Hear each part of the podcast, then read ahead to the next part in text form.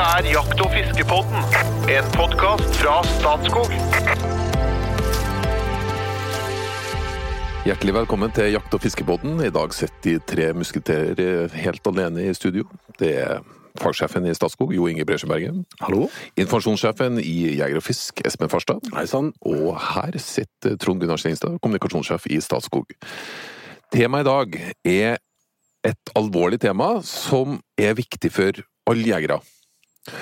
Og ikke minst så er det viktig å få kunnskap om det for ferske jegere som kan føle en usikkerhet. Det vi snakker om, det er selvfølgelig sikkerhet på jakt. Jo Inge, hvor viktig er sikkerhet når du planlegger jakt? Det ligger ikke nødvendigvis i planlegginga, men det, er, det ligger i ryggmargen min. Så det, det er på en måte det er en rutine. Det er noe jeg har. Eh, sikkerhet eh, Jeg regner med at du tenker liksom hvitt, altså all, alt som kan gå galt. Ja, ja. Jeg har førstehjelpsutstyr i sekken, for eksempel. Jeg har førstehjelpsutstyr i bilen. Og så har jeg, jeg har liksom forberedt meg på en del ting. Og så ikke minst da med våpenhåndtering. Altså, jeg er ganske neie på det. med Våpenhåndtering. For å prøve å unngå ulykker, da. Ja. En liten advarsel på forhånd. Dette blir da publisert offentlig. Men, eh, og nå kan jeg spørre, har du, har du vært borti noen ulykker? Ja, jeg har faktisk det. Ja. Eh, ikke alvorlig, men jeg, jeg har vært borti vådeskuddsepisoder. har jeg vært borti. Og det har gått Ble du beskutt, eller eh, skjøt du? Jeg har vært beskutt Ja. en par ganger. Men eh, det gikk bra. Det var ikke noe alvorlig ennå. Det, var det var et hendelig uhell. Men eh, det er slik dere da, da må du gå gjennom rutinen din. Hva var det som skjedde? Nei, det var jo et lette Vi var to stykker på rypejakt, og så letter et køll, og så kommer et rypekøll den ene gangen. Så kommer det mot meg, og så han som da skyter, har fokus på rypekøllet, og så står jeg bak ei buske som han ikke ser, og så skutter den rett mot meg. Men buska tok for eh, smellen, så det gikk bra. Men, eh, det Hvor stor avstand var det mellom dere? Nei, det var ikke mer enn 50 meter, kanskje. Så det var sånn at jeg kjente det ordentlig i jakka. Men, men det, var, det var ingen hagl som gikk gjennom henne, så det var ikke farlig slik sett. Men blautdeler, altså øver og slik, kan være ganske utsatt. da. Så da, det kunne være nuk. Men heldigvis så traff ladningen litt lenger ned. Og den andre ungen så var det litt det samme at jeg kom opp på ei høgstflate, og så og så lette da et eh, storfuglkall framme framme meg med en annen jeger da, som skjøt i retningen til meg, og, og traff meg den gangen òg. Men det gikk bra. Espen, hva er de mest vanlige ulykkene som skjer i forbindelse med jakt? Ja, det, det, var, det er rett og slett vanskelig å svare på, for vi, har ikke vi har ikke så veldig mye kunnskap om dette. Eh, når det skjer eh, ulykker, nestenulykker, sånn som denne som vi hadde her, som Jo Inge fortalte om, så, så er det jo ikke noe rapporteringssystem for dette. Så det noe, vi har rett og slett ikke noe oversikt over dette. Så, så innsatsen har jo på en måte vært lagt inn på å forebygge disse situasjonene hele tiden. Så har vi ekstremt fokus på det i, i jegeropplæringa og blant jegere. Men så skjer det jo eh, og vi vet heller fakta, vi vet jo da heller ikke noe om omfanget sant, av dette her sånn, men det vi noe om er at det skjer jo noen vådeskuddsulykker med døden til følge, hvor folk rett og slett blir skutt og drept. Det er veldig sjelden, da. Ja, det skjer, i, det skjer i gjennomsnitt et, en sånn ulykke, en dødsulykke, annethvert år. Mm. Har vært de siste åra. Eh, og, så kan man, og det er jo selvfølgelig for mye, eh, men så kan man jo liksom gjøre noen sånne regnestykker om liksom hvor, hvor, eh, hvor mye er det egentlig, da. Altså, vi har jo en helt opplagt nullvisjon på dette. Mm, Det har vi, men, men det ligger noe sånn som eh, et par millioner jaktdøgn bak hver sånn ulykke. Så, så, så det å liksom å si at det er farlig å gå på jakt, det syns jeg nok er en drøy påstand. Men det er klart at hvert eneste ulykke er jo en ulykke for mye, og en dødsulykke er jo dramatisk. De dødsulykkene har man liksom da, da, da blir det jo etterforskning og alt, og da har man liksom mulighet til å analysere litt hva det er som har skjedd. Eh, Så der går det an å si litt, og da deler det seg egentlig i to, typisk to eh, situasjoner som, hvor, hvor en sånn ulykke kan skje. Den ene er på storviltjakt, altså riflejakt, hvor du sitter på post, eh, og så er det da en jeger som beveger seg i terrenget, eh, og som blir oppfatta som et dyr. Eh, og, og en slags eh, Nesten på grensen til en slags virkelighetsforvrengning. Altså, jeg, jeg har faktisk snakka med en som skjøt og drepte en annen person under jakt, og han eh, Han sverger liksom den dag i dag på at, Fortsatt på overbevist om at det var et ja, dyr han er helt sikker på det. ikke sant? Og dette, dette, så det er en helt sånn vanskelig situasjon å forklare. Altså, det Det, kan, det er å forske litt på det, ikke for å avbryte, men, men det er å forske litt på det. Og, og han, han er fortsatt overbevist at han skjøt på et dyr. Og jaktmotstandere vil type bruke det mot oss jegere her, at eh, vi ikke har kontroll på skutt på det. Men, men det er forsket litt på det, og, og det er faktisk hjernen som kan spille oss et puss. Altså at eh, du leiter, eh, du veit jo her du leiter etter, Mm. og, og i det tilfellet der så har hjernen rett og slett lurt han. Han tror fortsatt, den personen. Jeg har jo Mm. pratet med en som har gjort det samme. Tror fortsatt at det var et dyr. Helt overbevist om at det var et dyr han skjøt på. Mm. Og så var det ikke det. Og, Nei, og, da, det, det, og hvorfor det blir slik, ja, det, det er litt vanskelig å si. Altså, det kan jo selvfølgelig være forholdene, skumring, værforhold, sånne ting. Også.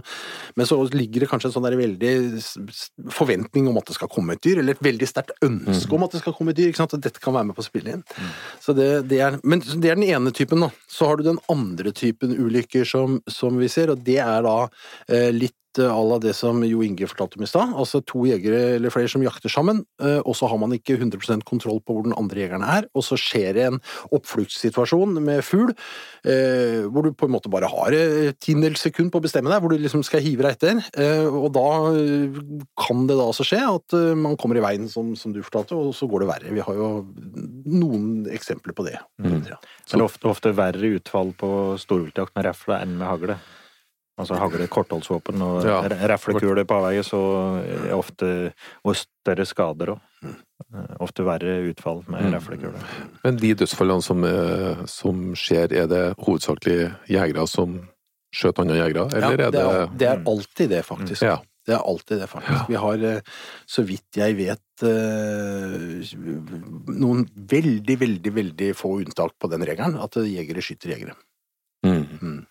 Så det er ikke farlig å være bærplukker i norsk natur, for å si det sånn. Nei. Nei, det er, og det er egentlig ikke farlig å være jeger heller, men, men vi skal holde ekstremt fokus på dette her, sånn, for som, som sagt, vi har ikke Vi kjenner ikke helt omfanget av sånne type nestenulykker, og den historien som du fortalte, Jo Inge, hvor du da liksom blir beskutt, men det skjer jo for så vidt ikke noe farlig, men det kunne det godt ha gjort, ikke sant? Du kunne jo sitte her med dårlig syn på ene øyet i dag, du. Ja. Eh, det kan det være mye mer av enn det vi vet. Ja. Og derfor så drilles jo dette utrolig Altså, den som har vært på en skytebane og veiva med våpenet sitt liksom i feil retning, får høre det, altså. Mm. Du får så hatten passer noe solid, og det er jo sånn det skal være, selvfølgelig. Eh, og mange blir kanskje litt sjokkert over tonen og sånn her, men her er liksom, det er, det er liksom det absolutt Det er null toleranse. Det er Ja, null er toleranse, altså. Ja. Men en ting jeg lurer litt på, for det er jo det å bruke kamuflasje. Det vil jo Altså, det har sannsynligvis, da, antar jeg, i og med at det blir brukt, en effekt på det å være eh, ubemerket overfor dyr. I hvor stor grad er det en realitet, lurer jeg på. fordi at alternativet er jo at man i større grad gir seg til kjenne. da. Man har eh, for eksempel en eh, oransje caps som Statskog, det er jo gitt ut. Eh, jeg- jeg- Noen ganger er jeg full kamuflasje, noen ganger er jeg oransje caps. Hva, er- hvor, eh, hva er det som skjer her, egentlig? Ja, nei, det er jo litt med herren jakter på og situasjonen. Eh, Jeg jakter eh, en del råbukk, for eksempel. Da er jeg godt kamuflert. Men jeg kjenner jo de som er veldig dyktige på å jakte råbukk, som gjør det i flisejakke og olabukse. Så, så, så det er mulig jeg overdriver litt, og, det, og noen tar det helt ut, ikke sant.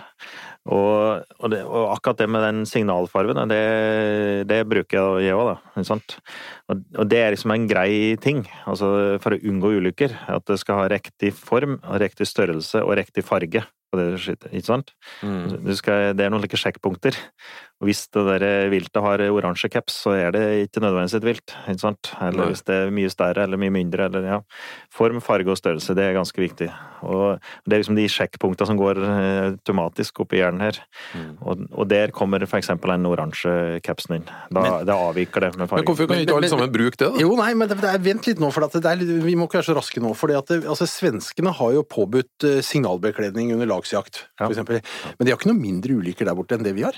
Nei, men vi er faktisk mindre. Ja, og, mindre. og, og, da, sant, så, så vi må ikke bare hoppe på de raske konklusjonene. Altså, det, Tilsynelatende er det fornuftig det du sier, men, og jeg mener det er et men her, og det er liksom at det kan gjøre at du slakker av litt på sikkerheten, fordi du tror på en måte at du kan lene deg på den derre eh, Ja, hvis det ikke er oransje, så kan jeg i hvert fall skyte. Ja, ja, ja? Ja. Og, og det, mener, det mener ikke jeg heller, altså. Men, eh, men, men det, og det har jeg jo hørt, og det er jeg helt enig i òg. Altså, det, det skal ikke gjøre at vi senker kravene, for at det er en signalfarver. Men så har det blitt veldig populært på, på lagsjakt. Jeg husker den på, ja, på 80-tallet, da jeg begynte i jakthelg, så var det, vi lo litt av svensker, for da hadde de liksom rød hattebånd. Jeg husker vi kalte dem dompapper, og liksom, det var liksom Vi litt, gjorde litt narr av svensker, husker jeg. Det var som de, de store lagsjakter, og innførte det med rød hattebånd, husker jeg. Men Men som du sier, vi har ikke noe Vi har færre ulykker, vi, enn svensker. Det har jeg klart å bringe på rene og finne. Mm. Og, og vi har ikke noe påbud i Norge, og det går faktisk veldig bra. Ja, og Så, så, så vi må liksom alt med måte, da. Men, Mm. eh, men jeg bruker type i lagsakte, så bruker jeg signalfarver.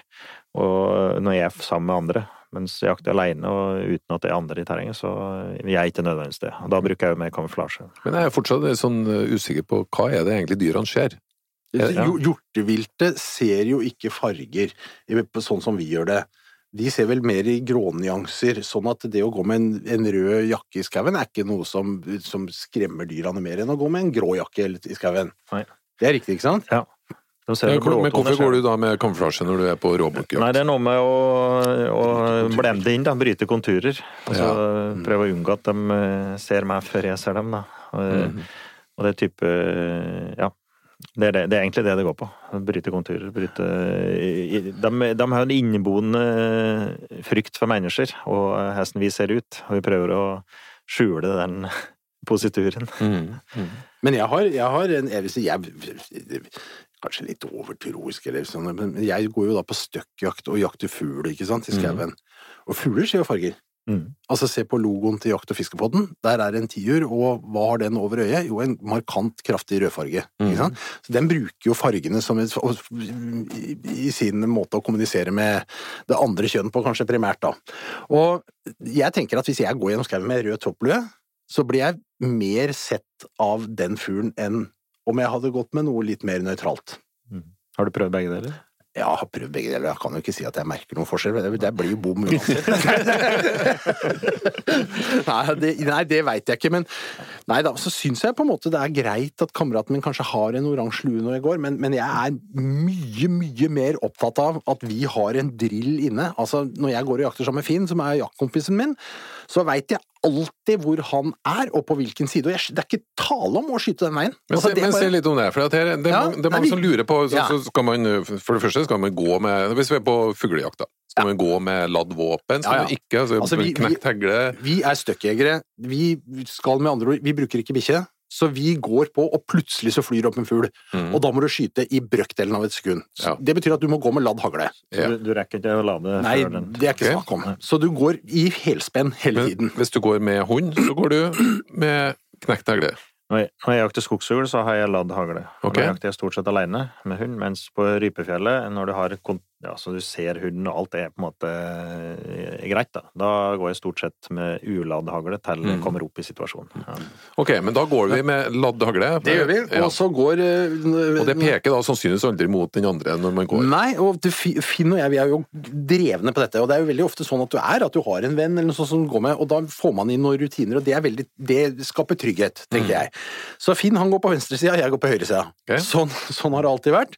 Eh, det betyr at jeg må være litt spesielt oppmerksom, for det, siden jeg er vanlig høyrevendt, så vil jo hagla mi naturlig peke mot Finn. Mhm. Eller i hvert fall i den retningen. Så jeg er, er bevisst på å gå med hagla eh, litt sånn i vinkel, så jeg peker ned i bakken. Eh, tilfelle Altså, ikke det at jeg skal skyte på noe, jeg skal jo ta av men, uh, sikringen og sånn, men, men for sikkerhets skyld, liksom, jeg er bevisst på det. Han kan slappe litt mer av, fordi hans hagle peker andre veien. Mm. Når du får, og så går vi da gjennom skauen med litt sånn ulik avstand, litt avhengig av hvordan vegetasjonen er. og sånn Er det veldig åpen skog, så kan det være et par hundre meter mellom oss. Er det, eh, er det tett skog, så tetter vi oss sammen, liksom. Sånn at vi driver og, og, og får opp fugl som er mellom oss. Mm. Skyter altså aldri i den vinkelen som er til venstre for meg, for der er kameraten min et eller annet sted. Jeg klarer ikke å følge med hvor han er hele tida, men jeg veit at han er til venstre for meg, så det er bare ikke-sone. Det, er ikke- det er ikke tema å skyte den veien. Om det så retter en gammel tiur, så får ikke jeg lov å skyte. Da må jeg heller skrike. Tiur, følg med! Ikke sant? Ja, da er vi der. Men du går hele tida ferdig med For du, du veit hvor han er. Altså, det er jo drille, og det Ja. går sammen. Det, det er gjort at det er mye, så, så du veit hele tida hvor han er, men du går likevel og sjekker. Så Ja. du, du vet. eh, Ser du nå at du skjøt enten rett frem eller til høyre? Ja. Aldri et, en grad til venstre? Nei, det der, det der er, det her er jeg helt absolutt, altså. Mm. Altså, det er kameraten min, kontra en fugl. Ærlig talt. Den er jo ikke verdt det! Men, men når dere går 200 meter unna hverandre, Ja, eh, og da skjøt da kameraten din i sonen til venstre, og du til høyre, da er det et felt på 200 meter som dere ikke skjøt, og da venter dere til fuglen eventuelt kommer ut i deres sone, sånn? ja, altså, men, du- ja, altså i praksis så er det faktisk sånn. Mm. Altså, jeg, det, er, det er bare ikke tema å skyte i hans retning. Mm.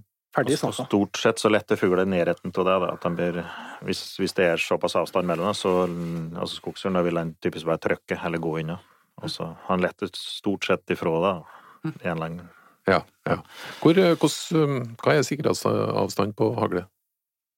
Det kommer litt an på hva slags hagl du har og bruker, da. Men, men du skal jo ha Ja, hva står det i jegerprøven? da er jegerprøve? typisk eh, haglstørrelsen ganger med 100. Så hvis det er 3 mm hagl, så ganger det med 100, så har du 300 meter.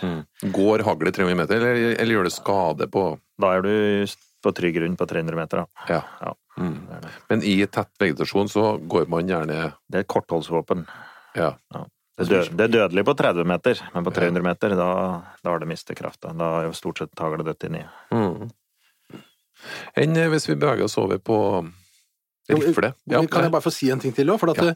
når du da går gjennom skauen sånn to stykker med hagle, så, eh, så, så møtes vi jo stadig vekk eh, for å ta en liten femminutter og pauser og sånn. Og da, dette her med å brekke hagla Mm. er veldig viktig. Altså Ikke bare det at jeg, for at jeg skal stole på, men det er noe med at du signaliserer at jeg, 'nå kommer jeg, jeg har sett deg, jeg har brekt hagla'. Mm. For det kan du se. ikke sant? Du ser at du har brekt hagla. Så det, det er også en sånn drill som ligger er inne. rutine, det ligger i ryggmargen. Mm. Men det er slik som jeg driller såpass lenge på at det, det bare veit du, og det er alle nybegynnere som prøver seg uten å gjøre det, så får de beskjed om det, ganske tydelig. Og det er grunnen til at jeg ikke liker å jakte med folk med halvautomat, for der syns ikke det.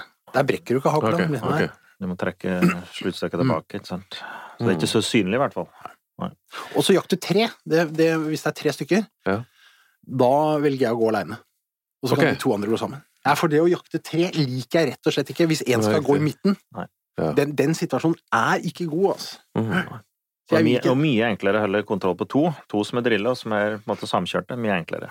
Tre, det, det er jeg ikke heller. Og det, er, og det, er, det, det å være drilla samkjørt, det høres litt sånn eh, halvmilitært ut, men det er utrolig viktig. Det er blant annet noe med hvilket tempo du går gjennom skauen, ikke sant? Vi kødder ikke med det, altså. Nei, nei, dette er Nei, det er drill. Det er det. Det er drill, altså. Men, men det, går, det går til seg sjøl, da. Vi har gjort dette her ja, hvis- Vi er samkjørte. Hvis du finner en god kamerat, så gjør du det. Ja, det det. Men Noen ganger så går det jo med andre som er med på jakt av ulike grunner, liksom, og så går en for sakte eller for fort eller feil, eller, og da, ble, du, da tenker du at nei, jeg vil jakte aleine. Mm. det er bedre. Ja. Nei, men det er også, og, og vi er ganske neie på det, sant? Det er drillen med å knekke hagl når vi møtes, og, og forsere hindringer og går over bekker og gjerder og slike ting. Altså, det, det, her, det her må sitte i ryggmargen. Det er potensielt farlig. Jeg har, jeg har faktisk vært med på å døtte med hagl og skudd har gått òg. Mm. Og da, ikke sant, da hvis du går etter hverandre, for eksempel, og så detter du bakover, og så går du et skudd, og så har du en bak deg der. Det er en potensielt dødelig situasjon. Da er du på nærme hold, og ja, det, det er jo livsfarlig. Og jeg- jeg, jeg, jeg skal- jakter ikke med den hagla lenger, da, men, eh, men jeg har faktisk klart det. Og det, det er slik der, da våkner du. Da Ja. må du tenke at det her, sant? da må du gå gjennom rutiner, og her er det som har skjedd der. Sant? Og jeg må innrømme at det, det, det har hendt uh, flere ganger, faktisk, at jeg, at jeg hiver opp hagla i Altså det går opp en fugl, og jeg hiver opp skuddet, og så går skuddet før jeg har tenkt. Altså på vei opp. Ja, det, det skal jo ikke gjøre det, men, men så gjør det det, da. Skjønner. Og da har vel jeg vært for ivrig, da, og for heit. Mm. Og, da, da, og det gjør jo ingen skade, for da skyter jeg i bakken. Forutsatt at jeg skyter riktig, ikke sant. Altså, jeg kan på en måte ikke sveipe over kameraten min og skyte altså, Du må aldri Mm. gjøre det der, altså. Nei, det er, og det er ingen spøk. Jeg, da, da Bendik, min yngste sønn, skulle være med på jakt, for han hadde gått i hæla på meg i alle år, og så skulle vi, han da, når han blei 14, få lov til å, å gå med hagle. Eh, og så, så sier jeg før vi går, nå så går vi bort til bekken. Og så gikk vi bort til bekken ved sida av hytta der, sånn, og så en sånn liten kulp, og så sa jeg 'skyt ned i kulpen', sa jeg. Hæ? sier han, hvorfor det? Hvorfor skal jeg gjøre det? Nei, men bare gjør det, sa jeg. Vi sto ti meter unna, liksom, så skøyt ned i den kulpen. Og den bare eksploderer. Altså, vannet blei praktisk talt borte, ikke sant? Bare, da ser du effekten i kortholdsvåpenet hagla, altså. Ja. Det er helt sjokkerende. Mm. Men, og når du gjør det, så da, jeg lover at da skjønner du alvoret i at uh, dette her, det kødder du ikke med, liksom. Her er det absolutt 100 altså. Det er en grunn til at uh, bjørneguider i Alaska, USA, har, uh, har hagle som backup. Altså som sikkerhet da, i leiren. Mm. Det er kortholdsvåpen, så er det ekstremt effektivt, Mm. men veldig farlig. Så vi, ja, nei, vi, vi tuller ikke med det her. Er, eh, men, men som Espen sier, vi har eh, halv, ca. halv dødsulykke i året, og det, vi er faktisk bedre enn eh, nabolandene våre, etter det jeg har funnet ut på, på Jeg vet at jeg så tall en gang fra 19, eh, høsten 1945 og 46. Da var det mye våpen i omløp i samfunnet, mye droppvåpen etter krigen og alt mulig sånt. Da var det altså eh, dødsulykker eh, Jeg husker ikke tallene, det var liksom 12 eller 14 eller noe sånt, de der to høstene her, sånn, som, Mm. som ble drept i Og her har jegerutdanninga utrolig mye å si, altså. For det, det, det, det drilles inn. Det er noe av det viktigste. Og, og det er jo, nå er jo ikke alle militære lenger, men det var jo en type Gutta fikk våpenopplæring i militæret, og det var jo så jeg drev med skuting. Det er, er liksom det første du starter med, er sikkerhet. Det er liksom jeg terper, terper. Mm. Når jeg lærer unger å skute i dag, så er det, liksom, det er det vi starter med. Og Det er litt kjedelig, men du må liksom begynne der. Og før var det vanlig at uh, du fikk våpenopplæring i Forsvaret, mens nå er det typisk jegerprøven, ikke sant? Det har tatt over mye før der. Og det er jo noe vi terper ganske mye på i jegerprøven. Og det, ja. Hvis du tar en liten runde innom eh, rifle. Nå er det veldig mye forskjellig jakt med rifle, men finnes det noen sånne allmenngyldige ting man skal ha i ryggmargen når man eh, jakter med rifle? Ja, ja altså, er Hvor skal begynne, da? ja, ja, det er masse her, vet du. Vi La oss begynne, la oss begynne på vei ut, da. Når du, Mm. går, når du går på post. Altså, eh, i hvert fall eh, hvis, man, hvis man går eh, flere sammen, så har du, har du ikke skudd i kammeret. Det har du ikke. Du kan ha i magasinet, men du har ikke kammeret. Så bæsja ikke ladd. Nei. Mm. Det er veldig viktig. Og det er nok en gang, da, som jeg sa, hvis du detter Når jeg datt med hagla, så gikk skuddet tå bakover. Jeg traff en stein. Og hvis det hadde skjedd når du går etter hverandre med rifle, det kan potensielt skje med laderifle, det òg, så, er det, så kan du prate dødsulykke. Ja, for nå snakker vi om våpen som har ordentlig, ordentlig rekkevidde. Ja, Rifle har jo mye lengre rekkevidde enn ei hagle. Og Mm. da, så jeg, da prater du type tre kilometer i stedet for 300 meter. Mm. Sant? Og vi skutter òg stort sett mye rett framover, da. Ikke sant? Selv om vi en del sitter i tårn og slike ting, og så er mye av skudda blir jo gående rett framover. Mm. Og da er det potensielt ganske lang rekkevidde på den reflekula. Så da snakker vi sikker bakgrunn. Ja. Ja, det husker jeg var et nøkkelord på jegerprøven. Det er Sikker bakgrunn. Ja. Ja. Og det, men det, er jo, det må jo være til god hjelp hvis du har den typen jakttårn, og du får en Ja. litt annen bane på gula. Ja. Mm. Da er det nærmere ned i bakken. Ja, Ja. Mye sikrere. Men hva er, hva er prinsippene rundt sikker bakgrunn? Hva er, hva er en sikker bakgrunn for noe? Ja, det er, da forutsetter du at du på en måte bommer på dyret, eller at kula skal gå gjennom dyret, og så skal du da treffe noe bak som du vet hva er. Mm. Altså Hva skjer hvis? eller Ja, Ja. ikke sant. Mm. Det, så det må du definere. Nå er jo riflejakt sjelden en sånn eh, intuitiv eh, avslutt, altså beslutning på sekundet, sånn som haglejakt er. Altså Mm. Haglejakt er en fluktsituasjon, en øyeblikkssituasjon. Riflejakt er jo da Da vil du jo eh, sjelden komme i den situasjonen. Du vil jo sitte på post ofte, ikke sant, og, og kan definere eh, skytesektor, eh, sikker bakgrunn, alt sånt på forhånd. Og det bør du tenke på når du kommer på post. så skal du liksom, Hvor er det jeg kan skyte? Hva, hvor er det jeg ikke kan skyte? Og det er jo også av hensyn til andre jegere som du har med deg på lagsjakt. Altså, ap- apropos drill, da, så det er det første jeg på, når jeg blir satt på en post. Enten en kinnpost eller en ny post, så er det type sikre retninger. At jeg har bakgrunn. Hen kan jeg skutte. Mellom der og der. Og er bakgrunnen der er trygt. Altså, der har jeg sikker bakgrunn. Mm. Og så avstander. Måler jeg avstand alltid, da. Så jeg veit det er langt ut, eller kjente punkter utover. Så jeg ikke skutt på for langt hold, for eksempel. Men det er kanskje mer på rådyrjakt at de der raske situasjonene oppstår. Ja. At, um, type elg- og hjortejakt som det er ofte lagsjakt, og du har litt bedre tid, da. Så, så er det da, da har du på en måte gjort opp det på forhånd, mens på rådyrjakt kan være litt mer bevegelig jakt, og du, du kan oppstå en situasjon Altså, det, det skjer ikke pære på post, altså? Ikke nødvendigvis. Det kan være at du ja, går inn, nærmere inn på losen, eller at det er en par som jakter sammen. Ikke sant? Så at det er litt mer bevegelig jakt. Mm. Og Da må du ha det, den drillen ned i huet hele tida. Og kanskje mer i befolkningsnære områder òg. Da går du jo også med ladd våpen, da. Altså skudd i kamera når du Ja, det det. mm. Og så det tredje elementet som kommer inn her, det er jo altså andre jegere. Eh, det er, hvis de er satt på faste poster, så er jo det definert, og da er det jo lett å forholde seg til det. Men så er det jo som du sier, noen ganger så kan det jo tenkes deg jakter hvor folk flytter seg litt Mm. eh, rundt, ikke sant? Det, det er jo egentlig en regel at du sitter på post til du får beskjed om å flytte deg. Mm. Det er, men, men det kan jo være at eh, Jo Inge og jeg hadde vært ute og jakta og sett at da skal vi drive gjennom det området der sånn, og se om det står noen rådyr, ikke sant? Og, og da beveger vi oss. Da, da er det viktig å ha kommunisert veldig godt på forhånd hvordan vi går og hvor vi skal være. Vi bruker jo jaktradio veldig ofte på storviltjakt øh, og kan kommunisere litt underveis og, og holde hverandre orientert. Det, det, det er et sikkerhetsaspekt. Og vi har også en app som heter WeHunt. øh, Som vi på Jeger- og Fiskerforbundet har, øh, har inngått et samarbeid med, hvor du i sanntid kan se hvor den, de andre jegerne er hele tiden.